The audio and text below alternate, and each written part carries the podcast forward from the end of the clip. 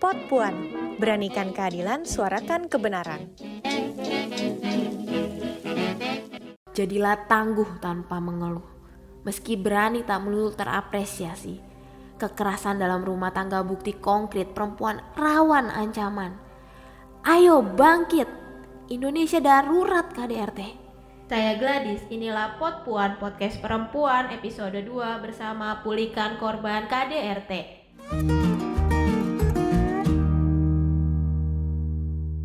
Episode ini akan mengulik proses pemulihan psikis korban KDRT, khususnya istri dalam berjuang menghadapi pelaku. Saat ini saya sudah terhubung dengan Ibu Jovita Maria Verliana, psikolog klinis anak, remaja, dan keluarga, sekaligus founder Little Shine School.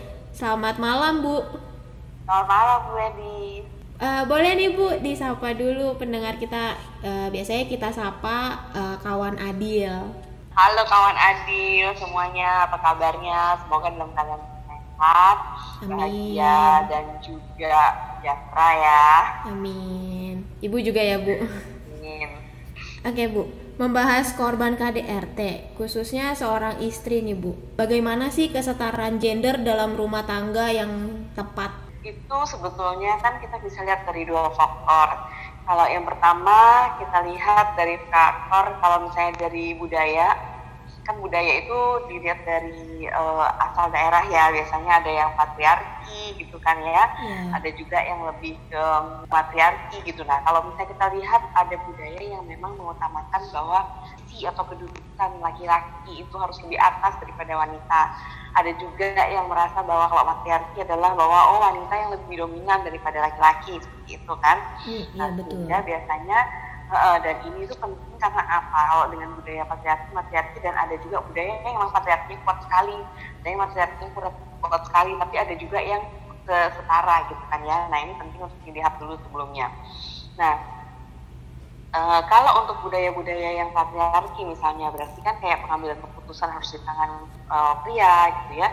Terus kemudian juga kekuasaan penuh itu ada pada pria gitu ya nah sebaliknya juga uh, untuk kebudayaan matriarki yang uh, berarti uh, yang pihak wanita yang lebih dominan dalam mengambil keputusan kemudian mengambil keputusan yang penting-penting dalam keluarga dan sebagainya berada di pihak wanita. Nah um, kalau yang kedua adalah kalau kita lihat ini yang secara umum atau general atau sebetulnya idealnya ya itu bahwa harusnya namanya kesetaraan gender di rumah tangga khususnya apalagi dengan era yang sekarang itu harusnya sudah balance gitu. Jadi maksudnya setara antara laki-laki dan perempuan gitu. Kenapa? Karena kalau lihat kita lihat sekarang kan juga uh, perempuan juga mayoritas juga bekerja ya kan? Nggak cuma laki-laki aja. Terus kemudian kalau kita lihat juga dari segi faktor ekonomi juga uh, perempuan juga punya penghasilan. Terus kemudian kalau kita lihat dalam uh, apa namanya aktivitas yang dilakukan di rumah, misalnya contohnya yang uh, mengurus rumah tangga dan sebagainya. Nah untuk di era yang sekarang ini sebetulnya pembagian tugas antara laki-laki dan perempuan ataupun dalam hal gender ini sudah jadi setara gitu, di mana laki-laki juga bisa kok untuk mengerjakan pekerjaan-pekerjaan rumah tangga gitu kan. Laki-laki bisa juga kok mengurus anak gak cuma perempuan doang gitu kan ya, ya nah jadi uh, kesetaraan gender ini tadi saya bilang ada dua. Nah uh, bisa kita lihat dari segi budaya atau segi uh, era zaman sekarang. Oke. Okay. kira-kira apa aja sih yang yang membuat uh, psikis korban tuh jadi terganggu? Nah pertama kita mungkin lihat dulu dari pengertian KDRT ya kekerasan dalam rumah tangga.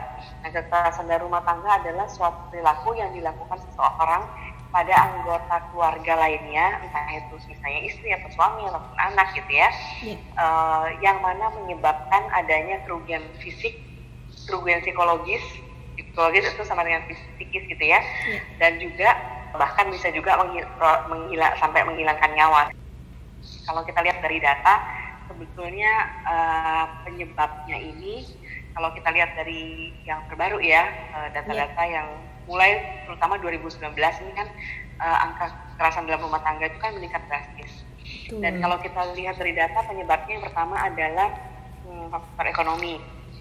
Ekonomi itu uh, apa namanya adanya misalnya penurunan uh, status ekonomi, atau, atau status sosial gitu ataupun misalnya uh, apa namanya ketidakmampuan misalnya si kepala rumah tangga untuk memenuhi kebutuhan rumah tangga dan sebagainya. Nah, faktor ekonomi ini menyebabkan adanya uh, stresor stresor atau konflik di dalam rumah tangga itu sendiri gitu kan ya sehingga uh, menyulut emosi, menyulut marah dan akhirnya ke perilaku agresi yaitu perlakuan yang kasar atau kekerasan dalam rumah tangga ini. Terus yang kedua penyebabnya adalah dari kasus yang ada adalah kecemburuan gitu. Jadi nggak jarang bahwa ya, istri cemburu sama suami ataupun sebaliknya dan akhirnya menyulut ke pertengkaran dan akhirnya uh, mengarah kepada perilaku agresi gitu. Nah, terus e, bisa juga dari itu selain ada ekonomi, terus kemudian juga e, kecemburuan. Sebenarnya intinya kan ada tiga hal. Yang pertama adalah kemampuan komunikasi sebetulnya. Komunikasi yang kurang baik sebetulnya yang ada di pasangan atau di dalam anggota keluarga tersebut. Karena faktor ekonomi ini yang tidak tidak tidak baik, nah akhirnya menyebabkan adanya konflik-konflik dalam rumah tangga tersebut. Terus kemudian yang kedua faktor stresor, stres gitu ya, yang yang terjadi, nah sehingga itu menyulut menyulut amarah, menyulut masalah dan sebagainya. Ketiga, adanya faktor sejarah dalam keluarga sebetulnya dan ini yang biasa banyak terjadi atau merupakan inti dari semuanya. Uh, faktor dalam keluarga itu maksudnya gini, jadi si pihak pelaku ini biasanya itu punya background keluarga yang juga melakukan KDRT gitu. Nah sehingga si pelaku ini pada saat jalan dengan waktu dan akhirnya dia berumah tangga, akhirnya dia juga menjadi pelaku. Jadi tadinya dia korban atau dia adalah seorang yang melihat di masa kecilnya atau masa remajanya gitu ya ini dilakukan oleh orang tuanya dan akhirnya kemudian pada saat dia dewasa dan berumah tangga dia menjadi pelaku KDRT tersebut gitu. Berarti ada kenapa trauma ya bu? Kenapa, betul ada trauma gitu. Nah entah itu trauma atau entah itu eh, modeling. Jadi ada hmm? dua bisa modeling bisa trauma. Modeling itu artinya gini. Um, misalnya contohnya ayahnya melakukan KDRT ke ibunya. Dia si anak ini nggak pernah kena KDRT, tapi dia setiap hari melihat KDRT ini terjadi, gitu kan ya. Papanya mukulin mamanya, papanya nendangin mamanya, ngata-ngatain mamanya misalnya, dan dia mengetahui dan dia melihat. Nah sehingga akhirnya di bawah sadar dia akan memodel perilaku itu. Jadi menurut si anak yang dipelajari sama si anak adalah oh berarti kalau ada masalah e, cara menyelesaikannya adalah dengan DRT gitu dengan mukulin orang gitu ya itu kalau modeling. Tapi kalau kita lihat dari trauma nah berarti biasanya adalah si si pelaku ini pada masa kecilnya atau pada masa remajanya dia juga pernah diperlakukan seperti itu. Misalnya papanya pulang kerja stres gitu kan terus kemudian anak disuruh lakukan sesuatu anaknya lagi nggak bisa terus kulin anaknya misalnya gitu kan ya. Jadi si anak ini juga kena sebagai korban. Nah kalau si anak ini kena sebagai korban berarti akan muncul trauma dalam diri dia traumanya berarti kan selain trauma fisik trauma psikologis trauma emosi ya kan? Yeah. nah itu juga bahkan juga ada trauma seksual. Nah trauma-trauma ini kan nggak dibawa terus nih sepanjang hidupnya. Nah pada saat dia berumah tangga akhirnya dia melakukan suatu kompensasi kepada anggota keluarganya pada saat di rumah rumah tangga. Kompensasi itu maksudnya gini pada saat dia dipukulin papanya kan dia nggak bisa ngelawan. Pada saat itu dicaci maki sama papanya dia nggak berani ngelawan ya kan? Iya betul. Nah uh, iya jadi dia akhirnya jadi rendah diri jadi minder gitu kan ya. Jadi kemudian penuh kekesalan dalam dirinya. Penuh agresi tapi terpendam gitu ya. Nah akhirnya pada saat dia rumah tangga dan dia merasa sebagai figur yang dominan dan dan, dan itu adalah uh, kayak semacam kompensasi bahwa dulunya dia rendah diri nggak punya power. Ceritanya tentang power nih nah begitu sekarang dia punya power nah dia akan dia melakukan kekerasan itu pada anggota keluarganya pada saat dia sudah berumah tangga. Seperti itu. Hmm. jadi modeling trauma kompensasi. Oke baik. Dampaknya tuh lebih ke apa? Kalau gangguan psikisnya tuh seperti apa aja bu? Yang dihadapi korban khusus yang psikis ya nih ya, yang mental ya. Iya betul. Kalau psikis itu kita bisa lihat derajatnya. Kekerasan kan kita tahu bentuknya ada fisik, ada verbal, ada emosi ya kan. Kalau verbal kan dipukulin, kalau kekerasan emosi dikata-katain ya kan? Diomongin goblok lah bodoh lah wanita nggak guna lah wanita murahan sebagainya contohnya ya. Iya betul. Nah ini kekerasan uh, kalau seksual kan berarti kan tahu ya. Maksudnya uh, walaupun suami istri tetap aja nama, ada namanya kekerasan seksual. Artinya pada saat mereka berhubungan kemudian tidak diinginkan oleh salah satu pihak salah satu pihak memaksa itu sudah makanya kekerasan seksual juga gitu ya. Uh, ada juga kekerasan dalam bentuk ekonomi misalnya kekerasan ekonomi adalah melarang istri bekerja atau misalnya melarang istri mengaktualisasikan diri begitu seperti itu ya. Yeah. dalam bentuk yang uh, ekonomis uh, dalam bentuk hal-hal perekonomian dan sebagainya. Nah itu kekerasan ekonomi. Nah kekerasan apa pun itu bisa menyebabkan uh, dampaknya bisa ke fisik. Kalau fisik berarti kan kayak luka fisik gitu kan ya. Misalnya kayak habis dipukulin berarti kan kelihatan ada luka-luka atau bekas luka hmm. bekas sudutan loko dan sebagainya kalau kekerasan uh, apa iya betul lebam dan sebagainya kalau yang apa namanya dibilang tadi uh, psikis gitu ya atau mental itu akibatnya adalah tadi uh, trau dari trauma biasanya ya trauma yang terjadi nah itu uh, apa namanya akibat yang dirasakan oleh si korban adalah mulai derajat yang paling rendah sampai ke derajat yang sedang maupun derajat keberat gitu ya. Nah kalau yang uh, rendah rendah itu biasa misalnya kita bisa lihat dari uh, perlakuannya misalnya dari frekuensi, uh, durasi sama intensitas gitu. Misalnya gini nih, ada orang yang dilakukan kekerasan apa namanya korban KDRT tapi cuma sekali-sekali. Contohnya misalnya nih kan ada kan yang suaminya pulang ke rumah itu dua bulan sekali atau tiga bulan sekali gitu. Nah sehingga pada saat pulang terus kalau stres atau emosi dilakukan ke, ke istrinya tapi habis itu kan dia pergi lagi gitu kan ya dan sebagainya nah e, kalau itu dilakukannya sekali-sekali atau misalnya nggak e, jarang-jarang nah itu berarti biasanya itu dan dan tidak terlalu intensitasnya tinggi ya ke dirinya nah itu kan akan mengakibatkan trauma tapi dalam kadar yang rendah nah gitu contohnya adalah gini setiap saat mendengar bentakan atau setiap saat mendengar suara yang kencang nah dia udah mulai ketakutan untuk edukasi gitu ya. Hmm. Tapi begitu suara kencengnya itu udah hilang, dia jadi bisa netral lagi perasaannya misalnya seperti itu. Nah kalau derajat yang sedang, contohnya gini, uh, suaminya belum pulang tapi sudah tahu suaminya akan pulang itu sudah menimbulkan reaksi fisiologis, misalnya contohnya uh, keringat dingin, jantung berdebar, ketakutan, kecemasan gitu ya, seperti itu. Nah, tapi kalau derajat yang berat, nah ini biasa sangat mengganggu fungsi-fungsi lainnya, fungsi-fungsi uh, di dalam kehidupan si korban contohnya kalau e, berat ya jadi kayak contohnya dia nggak bisa berfungsi lagi di lingkungan. Nggak berani keluar rumah dia nggak berani ngobrol sama siapa-siapa. Terus kemudian juga dia jadi susah tidur susah konsentrasi misalnya seperti itu ya. E, berat badannya turun terus kemudian bisa juga jadi depresi. E, kemudian juga depresi berat sampai ke arah yang mau melukai diri sendiri atau mau bunuh diri itu juga bisa. Tentang yang ringan itu biasa uh, cara menanggulanginya adalah uh, dengan melatih kita lihat dulu akarnya apa sih. Kalau misalnya oh ini karena komunikasinya ini yang nggak bagus antara suami ke istri ya kan? Berarti kita perbaikin cara atau metode komunikasi. Contohnya misalnya pada saat yang satu lagi marah harusnya yang satu diem aja dulu gitu kan? Supaya kemarahannya ini nggak semakin jadi-jadi ya. Atau misalnya e, komunikasinya adalah kalau yang satu ngomong yang satu dengerin.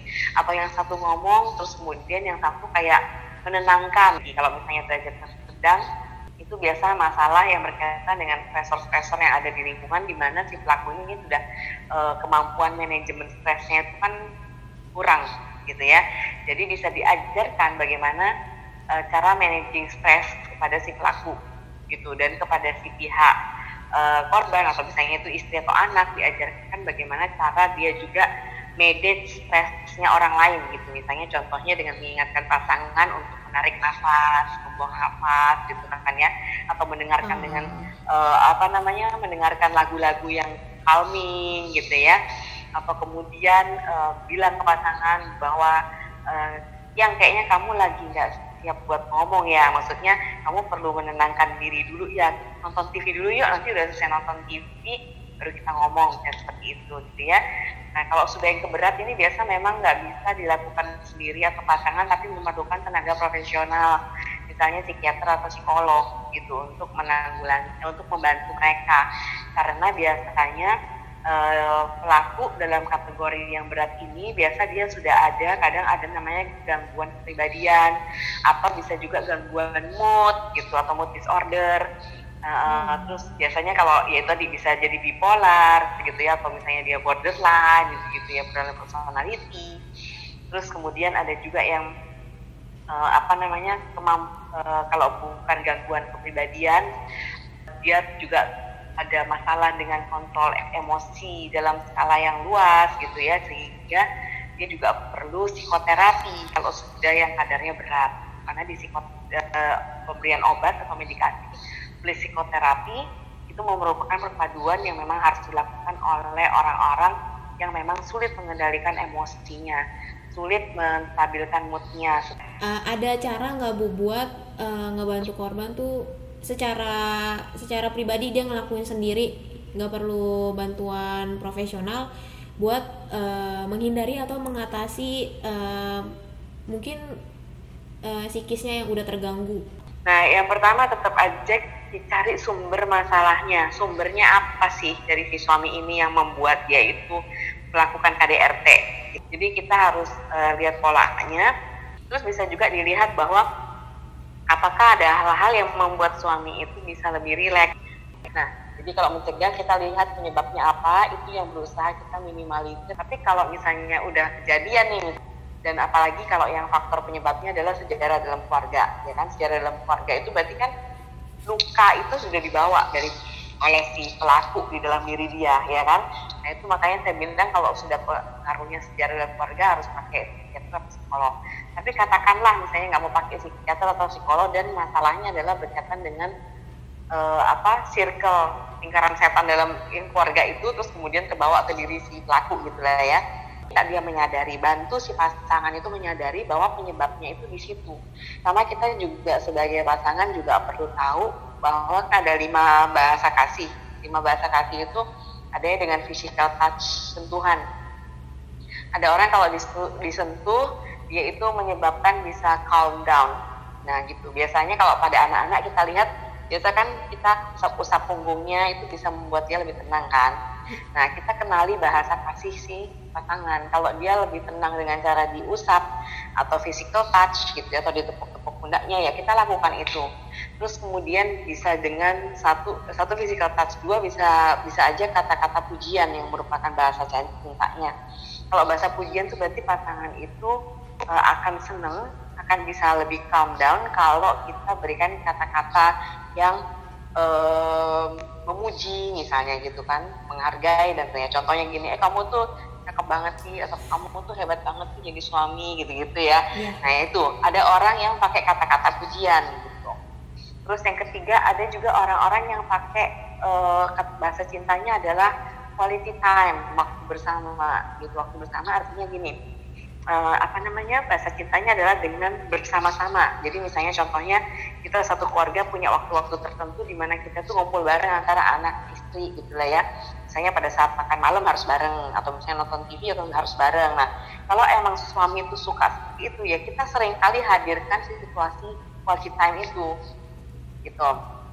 Nah ada juga yang bahasa cintanya adalah dengan cara pemberian hadiah gitu. Nah kalau pemberian hadiah itu biasa orang-orangnya suka dikasih surprise. Nah, kalau pasangan kita itu bahasa cintanya adalah pemberian atau suka dikasih surprise, ya kita boleh dong kadang-kadang ngasih surprise ke dia. Misalnya dia pulang kantor, kita kasih hadiah kecil gitu kan, misalnya berupa apa, misalnya uh, bunga kek gitu, setangkai bunga, nggak usah yang mahal-mahal, asal ada, tapi itu kan udah bikin dia seneng gitu ya.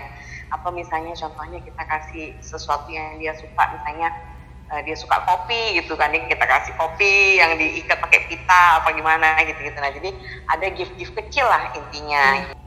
Nah terus uh, apa namanya ada juga yang bahasa cintanya itu berupa hiburan. Hiburan itu rekreatif gitu. Misalnya uh, kita lihat bahwa kayaknya suami ini kalau udah deket-deket uh, apa weekend tuh udah mulai stres. Nah kita bilang yuk pak kita ini yuk. Weekend ini kita ke Ancol yuk. Jadi ada ada orang yang punya bahasa cinta itu dengan cara rekreasi. Nah dengan begitu bisa diharapkan bisa mengontrol emosi dia, bisa menstabilkan mood dia.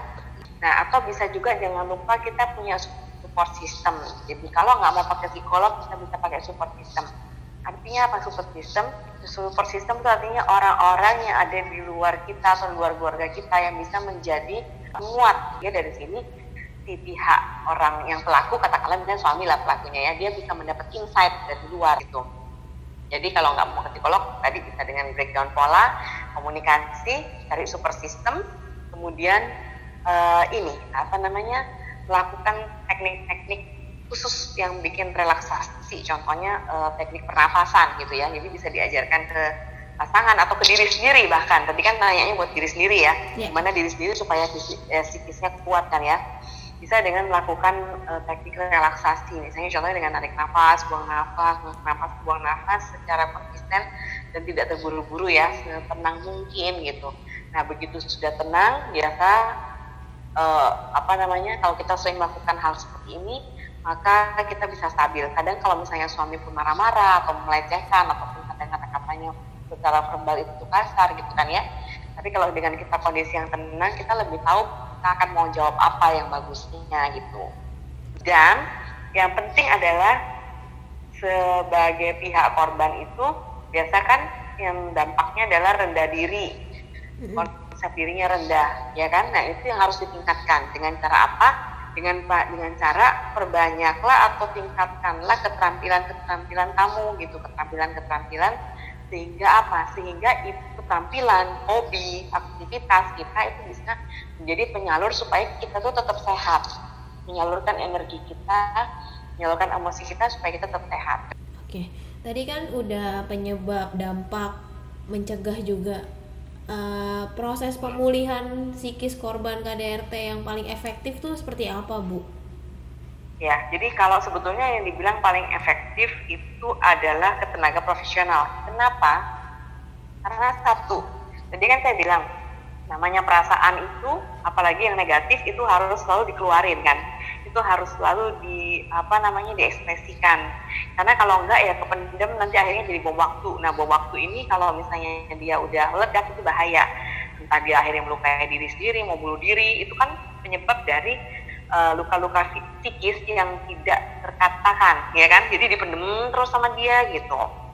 Nah sehingga ini harus dikeluarin. Jadi uh, apa pun itu bentuknya emosi emosi yang negatif yang ada di diri kita entah itu kesedihan marahan kekecewaan itu sebetulnya harus dikeluarkan atau diungkapkan atau diekspresikan gitu ya. Um, mengekspresikannya dengan apa? Nanti orang beda-beda. Misalnya contohnya dengan cara berbicara atau menceritakan hal itu kepada orang lain Uh, bisa juga dengan media seni, misalnya gambar atau lukis atau atau nyanyi atau musik gitu kan ya. Kalau terutama untuk orang-orang yang memang uh, punya uh, kenyamanan di bidang seni misalnya ya itu. Atau misalnya orang-orang yang introvert gitu kan ya. Dia lebih nyaman sendiri nah dia biasa lebih mengarahnya ke seni. Tapi untuk orang-orang extrovert dia lebih lebih nyaman atau lebih oke okay kalau dia akan menceritakan. Nah, tapi extrovert ataupun introvert tetap perasaan negatif itu harus dikeluarin. Nah, keluarinnya ini kan nggak bisa ke sembarang orang. Kalau iya. kita cuma cerita ke teman-teman arisan misalnya, itu jadiin gosip, ya kan? Iya.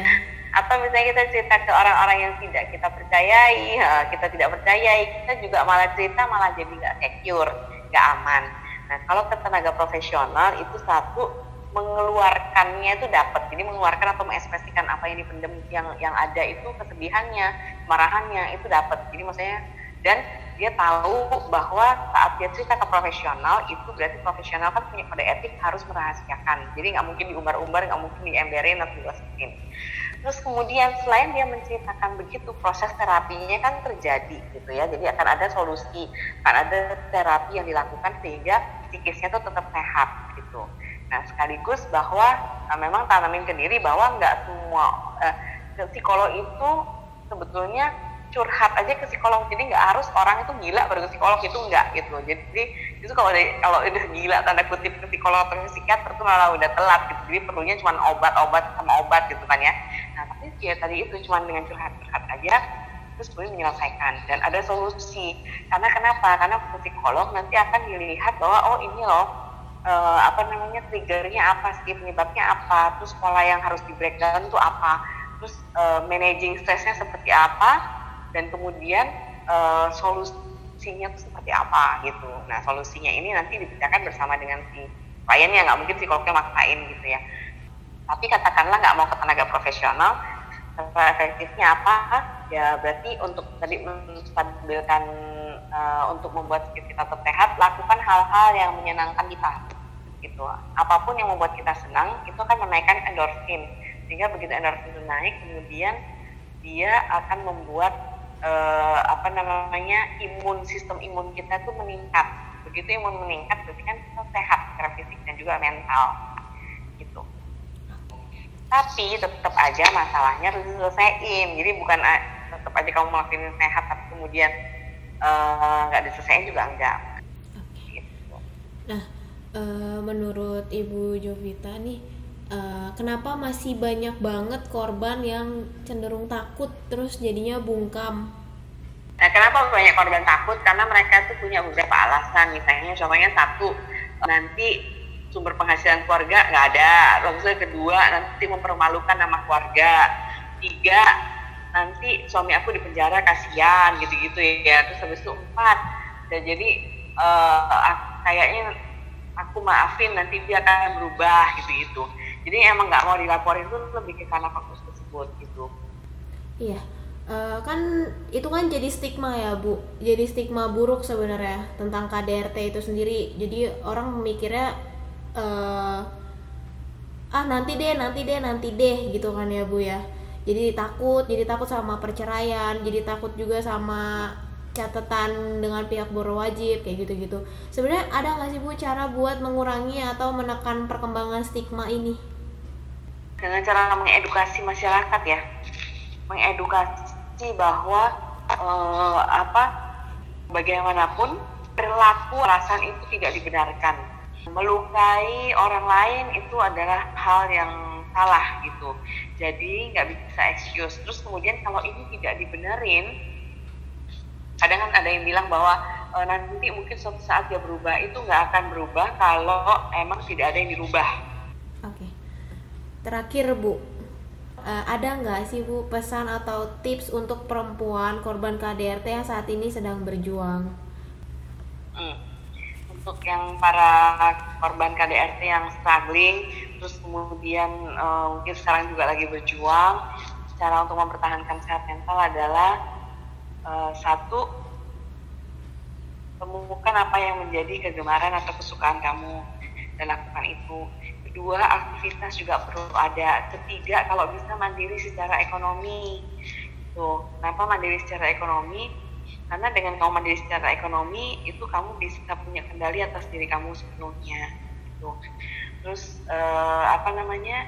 Yang keempat adalah coba lihat polanya perbaikin situasinya.